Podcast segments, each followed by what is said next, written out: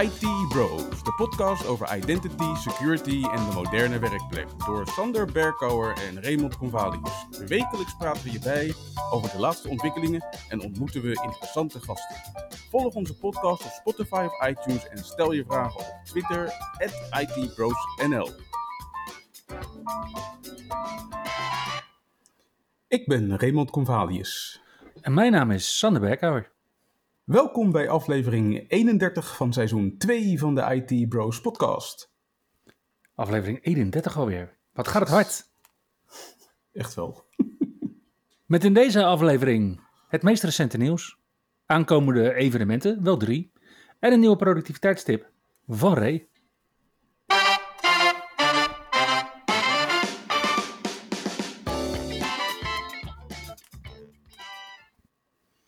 Hey Ray, stevast beginnen we onze podcast met Windows nieuws. Ja. Ja, ik weet niet wat de luisteraars ervan vinden, maar er is ook deze week weer nieuws. Ja, uiteraard.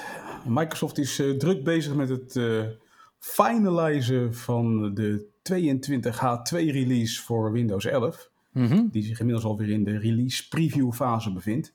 En daar komen nu bijna wekelijks updates voor uit met eh, wat eh, ja, fixes en eh, verbeteringetjes. En ook deze week was het weer tijd voor beeld nummer 22.621.450 en beeld 22.622.450. En in deze builds zaten met name verbeteringen in eh, Microsoft Defender for Endpoint. En hebben ze wat andere verbeteringen aangebracht, zoals een aanpassing in SMB-compressie, die nu onafhankelijk van de bestandsgrootte altijd comprimeert. Oké. En daarnaast hebben ze gewoon nog eh, diverse issues gevonden en opgelost. Ja, Ray, als ik jou dan hoor zeggen dat ze bijna wekelijks nieuwe versies doen, dan gaat het toch ook wel echt richting de normale releases. Want wat we natuurlijk bij de, de mainstream releases zien, is dat we een, een B- en een C-update hebben. En dat je dus inderdaad, nou, gemiddeld zo één keer in de twee weken een update hebt, waar je ook die versienummers achter de punt telkens ziet eh, oplopen. Dus het is wel wat meer innovatie, wat meer ja, risico wat Microsoft misschien ook wel neemt. Met telkens de weekly builds toch wat meer naar voren toe trekken. Of te, naar voren te brengen. Maar het voelt alsof het ja, nu toch wel elk moment een GA-stempeltje kan krijgen. Volgens mij kunnen we ergens in begin september een GA-stempel verwachten. Oké. Dus ik denk nog een maandje, dan, eh, dan is het zover. We hoeven alleen nog maar te wachten tot dat iedereen weer terug is van vakantie. Zoiets. ja, en daar bleef het trouwens niet bij voor, eh, voor het nieuws rond Windows 11. Want Microsoft is natuurlijk ook druk bezig met Windows 11 VNext. Yes. Zoals we hem voorlopig maar even noemen. Ja, bij gebrek aan beter, hè? Precies. En van eh, Windows 11 VNext is dus inmiddels in de dev channel beeld nummer 25.174.1000 uitgekomen. Mhm. En het nieuwe daarvan is dat er een Game Pass widget in is eh, opgedoken. Het is eigenlijk net als met jouw nieuwe visitekaartjes proberen ze die cross-sell te maken tussen productiviteit en gamen. Net als jij dat doet tussen productiviteit en DJ Ray. Inderdaad. Precies, dus eh, tijd voor Xbox nieuws in de nieuwe beeld voor Windows 11. Hey, en voor de luisteraars die het misschien gemist hebben waarom we de nieuwe versie met momenteel beelds in de 25.000 reeks, waarom we die VNext noemen. Microsoft is nu een soort aan het diversificeren als het gaat om die builds. In de beta channel heb je dus nu twee builds, de 22.621 en de 22.622, waarbij Mhm. dus de 22.621 geen nieuwe features heeft, althans die zitten er wel in, maar die zijn niet enabled. En de build 22.622 zijn ze wel al in enabled. En de verwachting is dat dat eigenlijk features zijn die in de release van Windows 11 uitkomen na de 22H2 release van Windows 11. Ja, dat gevoel kreeg ik ook. Inderdaad, dat we nu dat 22.621 wordt dan de, ja, noem het de 19.041. Zeg maar wat we zagen. Met, ehm, in, in, in de Redstone ehm, reeks. En daar werd Een half jaar later werd dat 19041, 1942, 1943, 19044 zitten we nu op. En ik heb het gevoel dat dat met de 22621 en de 22622 eigenlijk hetzelfde is. Dat dat best wel eens. Ja, dat we daar best wel eens hetzelfde zouden kunnen zien. Alleen dan niet die halfjaar, maar die jaarlijkse releases waar Microsoft het nou, sinds kort natuurlijk over heeft. Ja. Nou, daar lijkt het dus wel op. En daarnaast heb je dan dus de 25.000 reeks. Dat is dus nu de 25174. Mhm. Die noemen we dus nu maar even VNext, omdat het gerucht gaat dat Microsoft die gaat uitbrengen als Windows 12. Ja, En eh, vooruitlopend op dat gerucht hebben wij hem maar even VNext gedoopt. ja, we weten het zelf en toe ook niet. Dat is Precies. een beetje met je, met je snuffert op het laatste nieuws eh, zittend. eh, ja, proberen we toch af en toe ook een beetje een slag om de arm te houden. Precies. Dus eh, ja, Windows 11 continu in ontwikkeling en eh, we kijken er naar uit wat Microsoft gaat beslissen over VNext. Yes, je zei net al eventjes dat er nieuwe features zitten in de 22.621 en 22.622.450 beelds rondom Defender. Mhm. Maar er was nog veel meer Defender nieuws volgens mij. Ja, Microsoft heeft eh, vooruitlopend op een lancering die volgende week moet gaan plaatsvinden op Black Hat, Oké, hebben ze twee nieuwe Defender producten aangekondigd. Namelijk eh, Defender Threat Intelligence en Defender External Attack Surface Management. En ja, best wel interessante producten, zeker als het gaat over de manier waarop Microsoft dit nu aanpakt.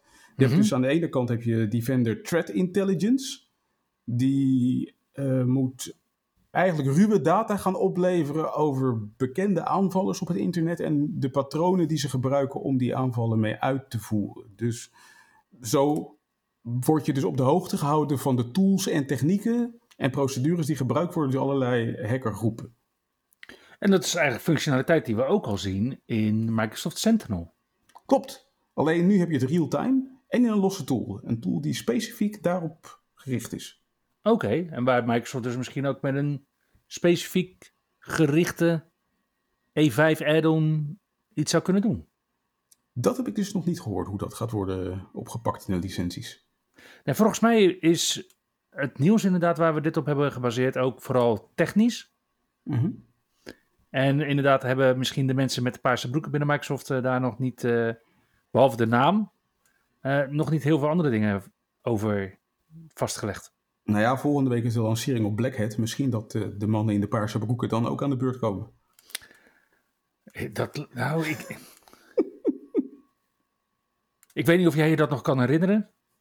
Maar, en het is alweer een paar jaar geleden. En ik was er zelf ook niet bij. Maar er blijkt op een MVP Summit, dus Microsoft nodigt Microsoft MVP's uit op het hoofdkantoor in Redmond, nabij Seattle. En er was een meeting met de Hyper-V MVP's. En er was een nieuwe program manager.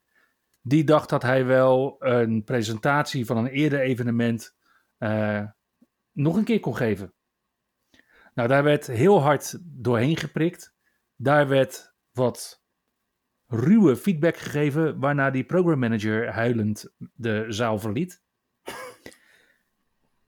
Met dat in het achterhoofd denk ik, ik zou geen mensen met paarse broeken naar Black Hat sturen. Lijkt me ook niet zo slim. Maar goed, in ieder geval op Black Hat gaan ze dus behalve dit product... gaan ze ook nog Mhm. Defender External Attack Surface Management aankondigen. Ja, En dat is een tool die je netwerk gaat scannen op de eh, verbindingen die er van buitenaf mogelijk zijn. Zodat je inzicht krijgt in de endpoints die van buitenaf toegankelijk zijn en daar eventuele zwakke plekken in kan opsporen voor je. Oh. Ja, een soort- vulnerability management tool, maar dan niet gericht op hosts, maar echt op netwerktoegang. Een beetje een red teaming-achtige tool, zoals ze dat bij Tweakers hebben genoemd afgelopen week. Ja, en op tweakers.net zien we sowieso een grotere populatie van mensen die Microsoft wat minder vertrouwen en ook de telemetriehonger van Microsoft niet altijd willen stillen. Dat is ook doorgecijpeld richting overheden. Daar zijn ook afspraken over gemaakt met Microsoft al in, in eerdere stadia. wat we toen zagen is dat Microsoft sindsdien instellingen heeft geïntroduceerd die telemetrie beheren. Ja. En de hoeveelheid gegevens die op die manier worden uitgewisseld. Nou, nu zien we een veranderd beleid. Waarbij Microsoft zegt van ja, dit moeten we eigenlijk niet meer doen per apparaat, maar eigenlijk per, per domein, per Active Directory omgeving of per Azure AD tenant. Mhm. En wat Microsoft nu ook heel duidelijk specificeert, is dat Microsoft de verwerker is en het bedrijf de verwerkingsverantwoordelijke. Wat ik alleen niet begrijp is dat Microsoft dit alleen doorvoert voor Europa. Want wat we bijvoorbeeld ook zien is dat er op nog 18 plekken wereldwijd, waaronder de belangrijkste denk ik toch wel de, eh, de CPAA is in de staat van Californië, die goed vergelijkbaar is met onze Europese GDPR, die eigenlijk Mhm. dezelfde soort dingen vraagt. En ik denk ook, het voelt ook een beetje alsof Microsoft hiermee in een, in een spagaat gaat, waarin ze zeggen, ja, in onze Europese datacenters doen we iets op één manier en op de andere datacenters doen we iets op een andere manier. Klinkt niet prettig. Nou, tenzij Microsoft dat kan doen, omdat ze eindelijk zwart-wit kunnen aangeven van ja, gegevens van onze Europese klanten gaan ook niet meer buiten Europa. Dat konden ze natuurlijk een hele lange tijd niet, want als je bijvoorbeeld alleen al kijkt naar Azure Multifactor Authentication, dan zie je eigenlijk dat elke MFA prompt, en of dat nou met een sms-bericht is of wat dan ook, in infrastructuur zijn oorsprong vindt, die in de Verenigde Staten staat. Mhm. Microsoft is daar ook best wel transparant over. Maar Mhm. betekent dus dat als dit de nieuwe voorwaarden zijn voor core producten en diensten, dat moeten we er natuurlijk wel even bij zeggen, want Microsoft doet daar nog wel wat onderscheid in maken, dat het best wel eens zo kan zijn dat die scheiding er dus nu ook 100% is. Daar begint het wel een beetje op te lijken. Nou, het beleid dat duurt nog wel eventjes, want Microsoft geeft nu aan van ja, dat hebben we in Windows beeld 25169 hebben we dat beschikbaar. Mhm. Nou, dan is het natuurlijk niet het meest briljante idee om je hele organisatie om te schakelen naar een Windows 11 beeld in de Developer Channel. Ja, Windows 4 Next. Voor een Windows 4 Next. Ja, het kan, maar ik zou persoonlijk nog even wachten. Maar Ja. mocht dit inderdaad heel belangrijk zijn, eh, dan kun je natuurlijk wel alvast gaan testen. Ja. Met nou, vanaf beeld 25169. En zoals we net al deelden, is 25174 op het moment van de opname van deze podcast de laatste versie. Ja. Nou ja, overigens heeft Microsoft wel aangekondigd dat ze later dit jaar over de bestaande Windows-versies gaan vermelden. Wat daarmee gaat gebeuren ten aanzien van dit nieuwe beleid over telemetrie. Ja, en ik denk dat er ook nog wel wat informatie komt over multidomain en multiforest omgevingen. Want ja, iedereen met een Active Directory zit hier natuurlijk met smart op te wachten. Maar wat we waarschijnlijk ook zien, is dat de strategie van Microsoft, waarin ze eigenlijk aangeven van ja, alles wat we bouwen, alles wat we doen, alles wat met write-back bijvoorbeeld alleen al te maken heeft, dat wordt eigenlijk alleen maar ontworpen en gebouwd op basis van één Azure tenant die met Azure Connect gekoppeld is aan één Azure domein in één Azure Forest. Mhm. En je hebt jij allerlei hele mooie multidomein en multiforest bouwsels gemaakt in de laatste decennia. Ja, dan denk ik dat het toch nog even afwachten is wat Microsoft daarover gaat zeggen. Dat is nog even afwachten. Nu we het toch over Azure Connect hebben. Mhm. Er was een nieuwe versie afgelopen week. Ja, heb ik gezien. Ja, op dinsdag 2 augustus heeft Microsoft versie 2.0.16.0 uitgebracht. De vorige versie was 2.0.15.0. Dus wat je eigenlijk ziet is dat Microsoft dus één verandering heeft aangebracht in Azure Connect. En dat klopt ook, er is één issue geadresseerd. Zoals de release notes dat dan eigenlijk zeggen, of de version release history documentatie dan aangeeft. En wat ze hebben gevonden is een issue die de in-place upgrade, de automatic upgrades voor Azure Connect in de weg stonden. Dat is namelijk op het moment dat het service account wat je gebruikt in het user principal name format in plaats van in het SAM account name formaat is gespecificeerd. ja, Lelijk. ja, ik weet niet hoeveel mensen dat doen, want wat je echt wel ziet is dat overal waar je iets moet invullen binnen Azure Connect, en mij valt dat telkens weer op, is dat ze zeggen van ja, gebruik je SAM account name en zet dan voor de backslash niet je NetBIOS naam van je domein, maar de DNS-domeinnaam van je domein. Dus eigenlijk hebben ze een, een hele derde nieuwe manier gepusht om je service account name en je beheeraccounts te specificeren.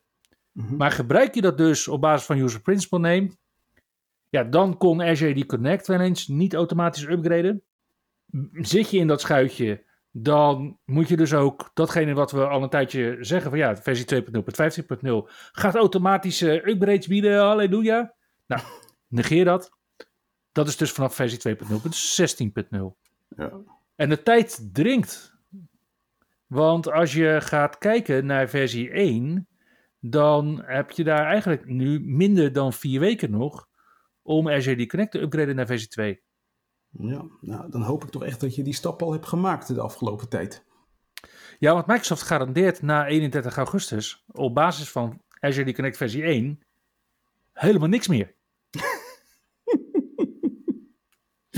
Ja, dat kan toch wel eens tot eh, pijnlijke situaties gaan leiden bij sommige Dat- ja, organisaties. dat, dat denk ik ook. Ja.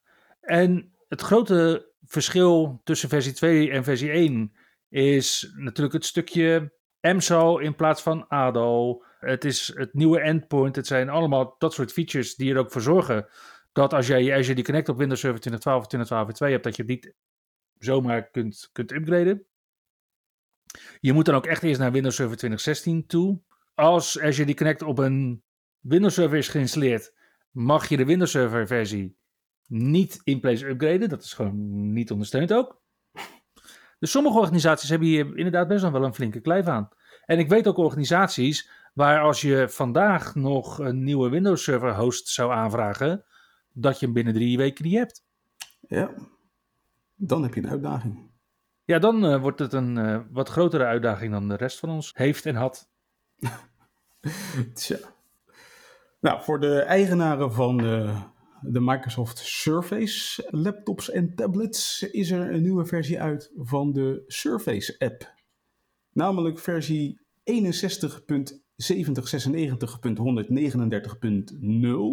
heeft zowaar wat nieuwe functionaliteit gebracht naar de Surface app. Mhm. Zo zit er nu kaartondersteuning in voor het eh, onderdeel Find My Device. Kan je een eh, default app aanwijzen voor de pen, als je een pen hebt?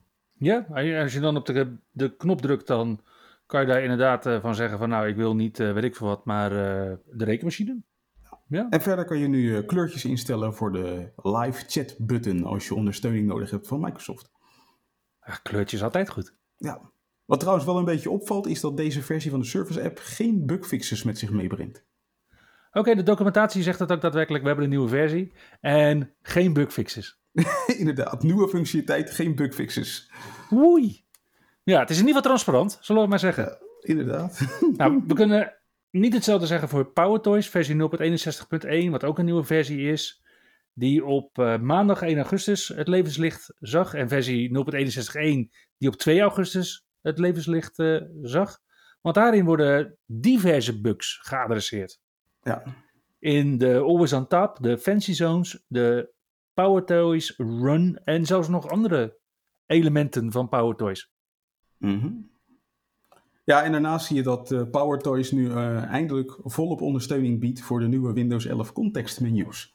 En waarom zouden luisteraars ook weer PowerToys moeten installeren? Nou, het is gewoon zo'n ontzettend handige set van extra tooltjes. Vandaag nog heb ik gebruik gemaakt van eh, Power Rename. Oké. Als je dus meerdere bestanden van een nieuwe naam wil voorzien, Mhm. dan kan je met Power Rename zeggen van nou, als de volgende karakters voorkomen in deze bestandsnamen, Mhm. verander dan die karakters door het volgende. En dan kan je dus gewoon een search en replace doen op bestandsnamen bijvoorbeeld.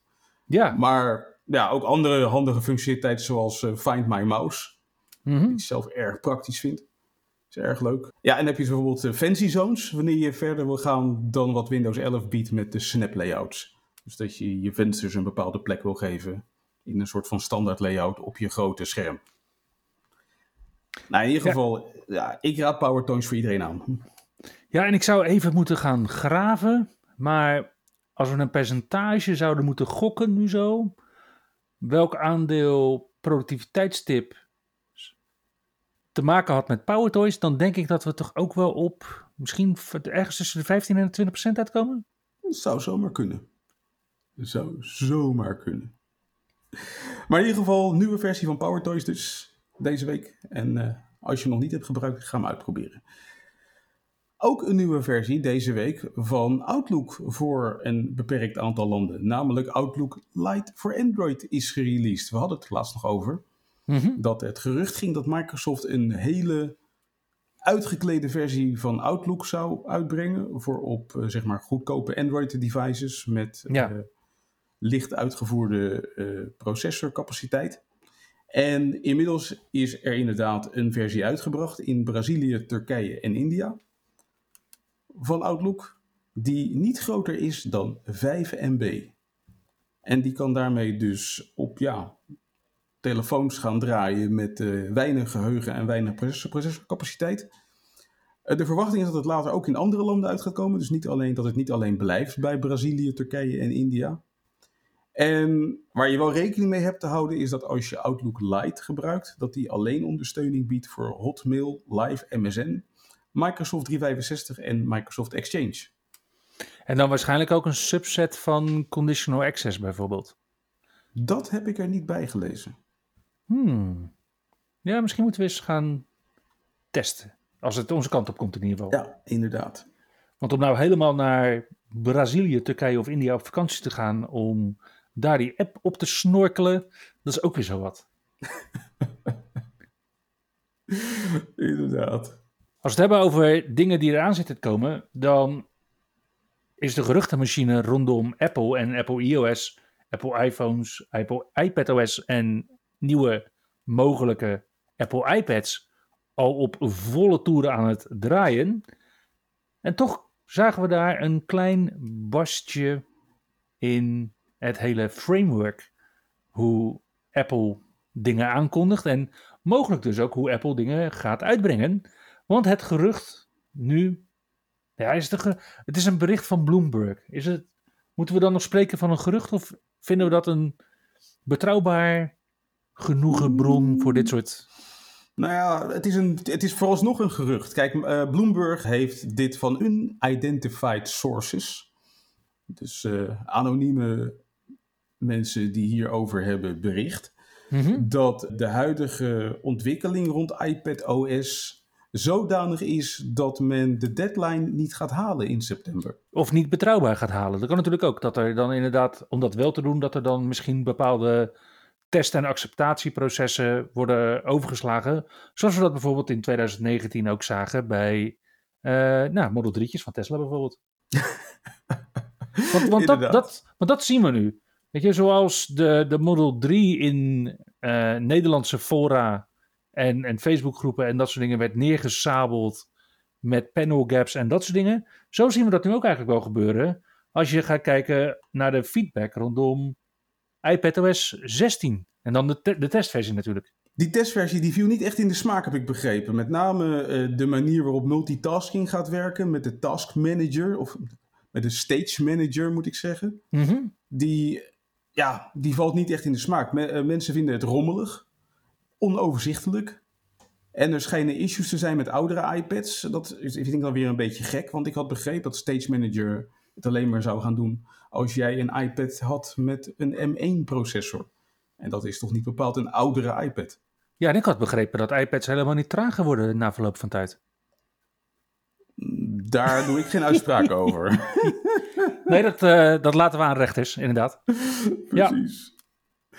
Maar uh, ja, vooralsnog gaat het gerucht dus dat, dat Apple een maand later uit gaat komen met, met iPad OS 16. Terwijl iOS 16 uh, waarschijnlijk toch gewoon een deadline gaat halen van 14 september. Ja, die datum die circuleert nu steeds meer inderdaad, 14 september. Ja. Maar wederom ook nog niet bevestigd. Maar wel steeds grotere kans op een interessant Apple-evenement met betrekking tot mobiele apparaten die we in heel veel organisaties terugzien. Ja. Chromebook komen we ook steeds vaker tegen.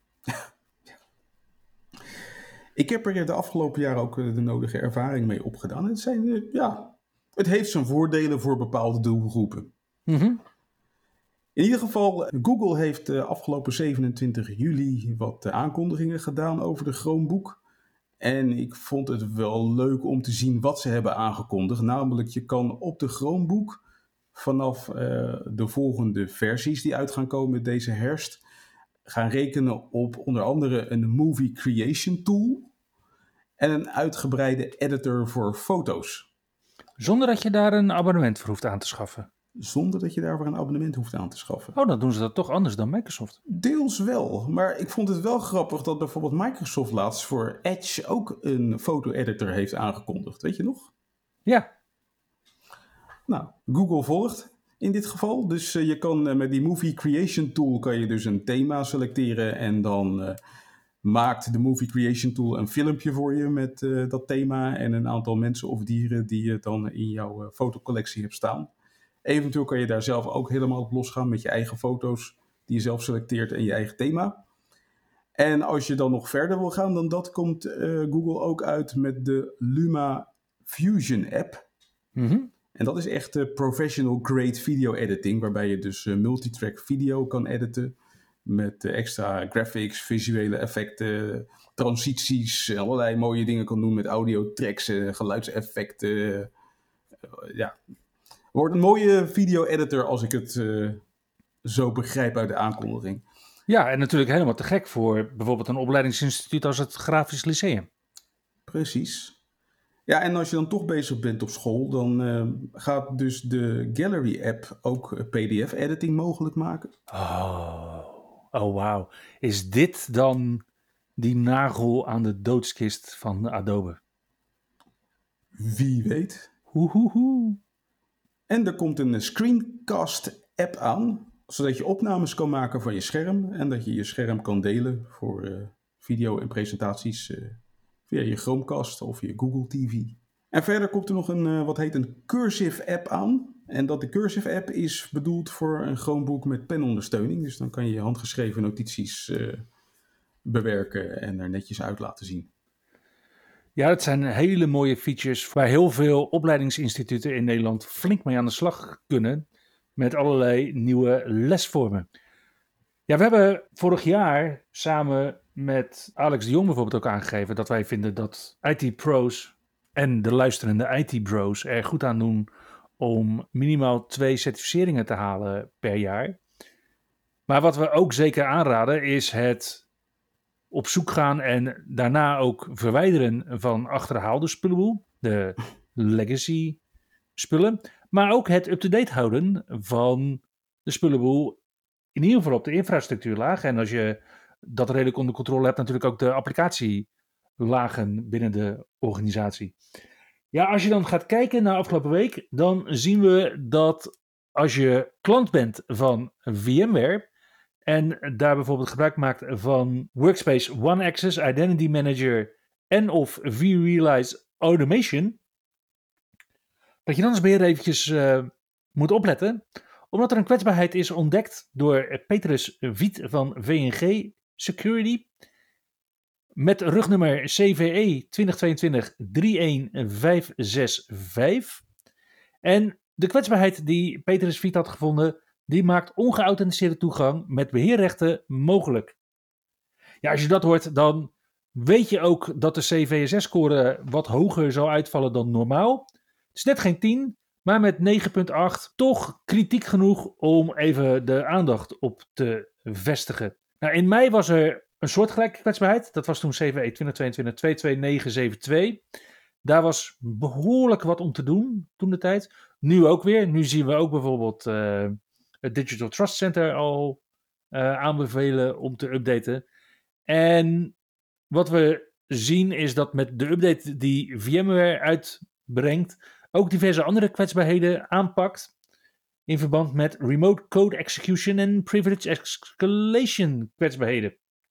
En als je dan denkt van nou ja, als ik mijn Workspace One Access, mijn Identity Manager en mijn vRealize Automation heb gepatcht, dan zal ik er wel zijn.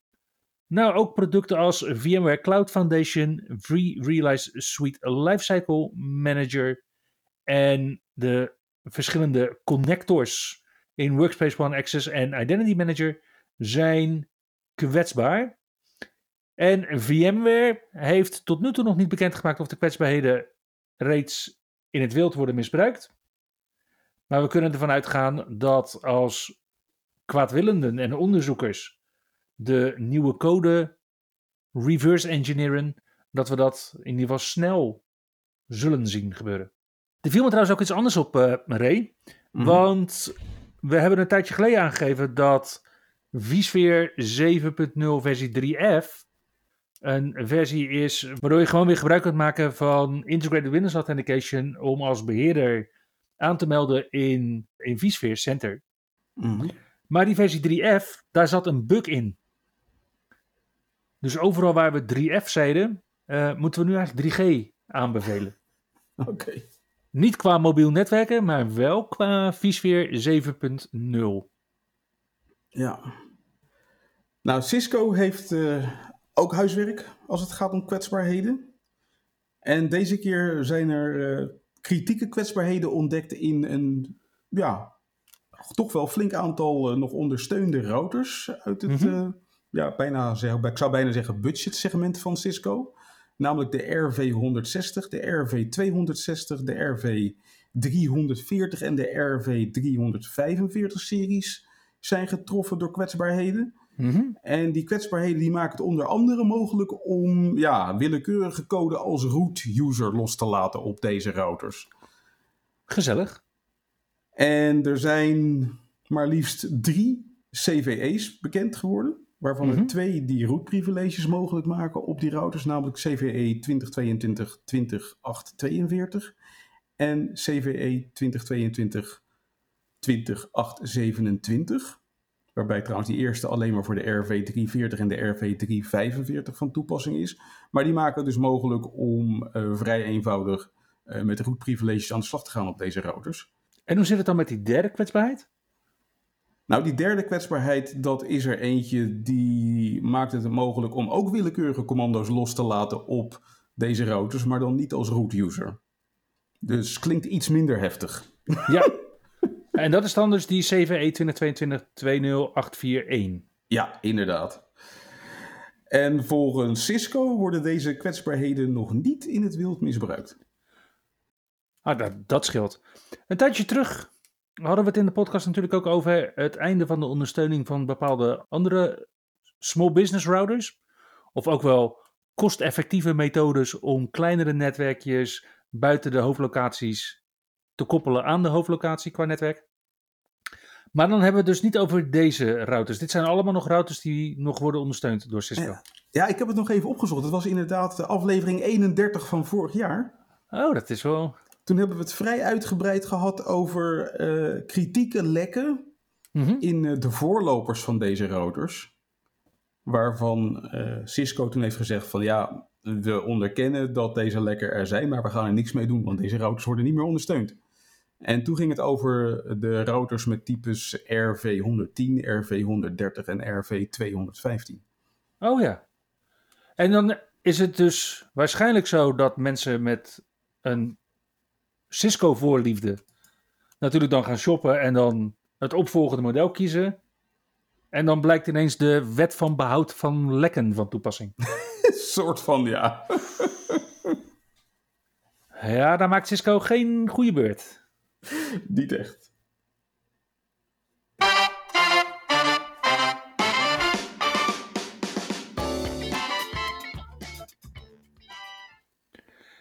Ja, ik heb het gevoel dat er een beetje komkommertijd is qua evenementen. Ik zie in ieder geval geen evenementen op Nederlandse bodem. Nee. Maar zie jij nog andere evenementen waarvan ze zeggen van nou, beste luisteraars, als je op Twitter gaat zoeken, dan vind je, als je op deze evenementen zoekt, toch nog wel wat interessante dingetjes. Oh ja, zeker. Komende week eh, gaat het in Las Vegas los. En wel met twee evenementen, namelijk Black Hat en DEFCON. Allebei in Las Vegas, waarbij Black Hat eh, de komende week van 6 augustus tot en met 11 augustus plaats gaat vinden. Mhm. En vervolgens DEFCON vanaf 11 augustus tot en met 14 augustus eh daar achteraan gaat. Dus als je iets van plan bent te gaan doen met security, nou, dan zou ik deze twee evenementen zeker volgen de komende week. Ja, tenzij je niet vanuit de Nederlandse hitte naar de hitte van Las Vegas wil natuurlijk. Nee, precies. Maar dan is er nog een alternatief. Dan kan je naar Redmond. En daar is eh, de Tech Mentor Conference, namelijk in het Microsoft Headquarter. Ja, in het uh, eh, IBC. En daar kan je dan uh, van 8 tot en met 12 augustus terecht, ook fysiek, om toch wel hele interessante sessies bij te gaan wonen van een aantal van onze MVP-collega's, onder andere. Ja, ik heb een keer mogen spreken op Tech Mentor. Ik kreeg de vraag of ik dat zou willen. Toen dacht ik van ja, waarom zou ik als spreker niet op de Microsoft Campus willen spreken? Dus dat heb ik toen ook maar gedaan. Ik weet nog, dat uh, was invliegen. Toen was ik twee dagen daar en was alweer terugvliegen. ik kan me nog herinneren dat ik helemaal kapot was, maar wel voldaan. En ik kan me ook voorstellen dat als je gaat kijken naar nou, 8 augustus tot 12 augustus zijn natuurlijk gewoon echt vijf dagen. Mhm. Dat je daar heel veel dingen kunt meekrijgen. En denk ook niet eens zoveel tijdens de sessies. Want ja, als MVP's zijn we natuurlijk ook geen supermensen. We moeten ook best wel wat content herhalen tussen sessies door. Als je je afvraagt hoe het komt dat we in deze podcast uh, veel van dezelfde dingen behandelen, dan is die vraag ook gelijk beantwoord, beste luisteraar. Maar je ziet wel dat er bij een evenement als Tech Mentor, en vooral de Tech Mentor in, uh, in Redmond, dat daar hele interessante gesprekken tussen sessies plaatsvinden. Waar ook Microsoft-medewerkers zich in roeren. Ja, ik denk dat dit voor Microsoft ook altijd een uh, moment is om uh, de nodige feedback te krijgen van ons. Ja, dat denk ik ook. En wil je daar onderdeel van zijn, dan zou je misschien nu nog op de valreep een ticket kunnen kopen voor het evenement. En uh, voor het vliegtuig en het hotel.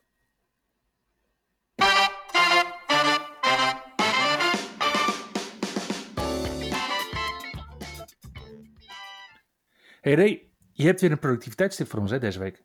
Ja, ik zag uh, op Twitter een hele leuke voorbij komen. Van ik dacht van, nou, die kent volgens mij nog lang niet iedereen. Wist jij dat er een fantastische screen recorder zit in PowerPoint? Nou, fantastisch wil ik hem niet noemen. Maar ja, ik weet van het bestaan af. Zeker. Ja, en het blijkt dus dat als jij een schermopname nodig hebt voor je presentatie in PowerPoint, dan kan je dus gewoon zeggen insert in PowerPoint en dan kan je selecteren screen recording.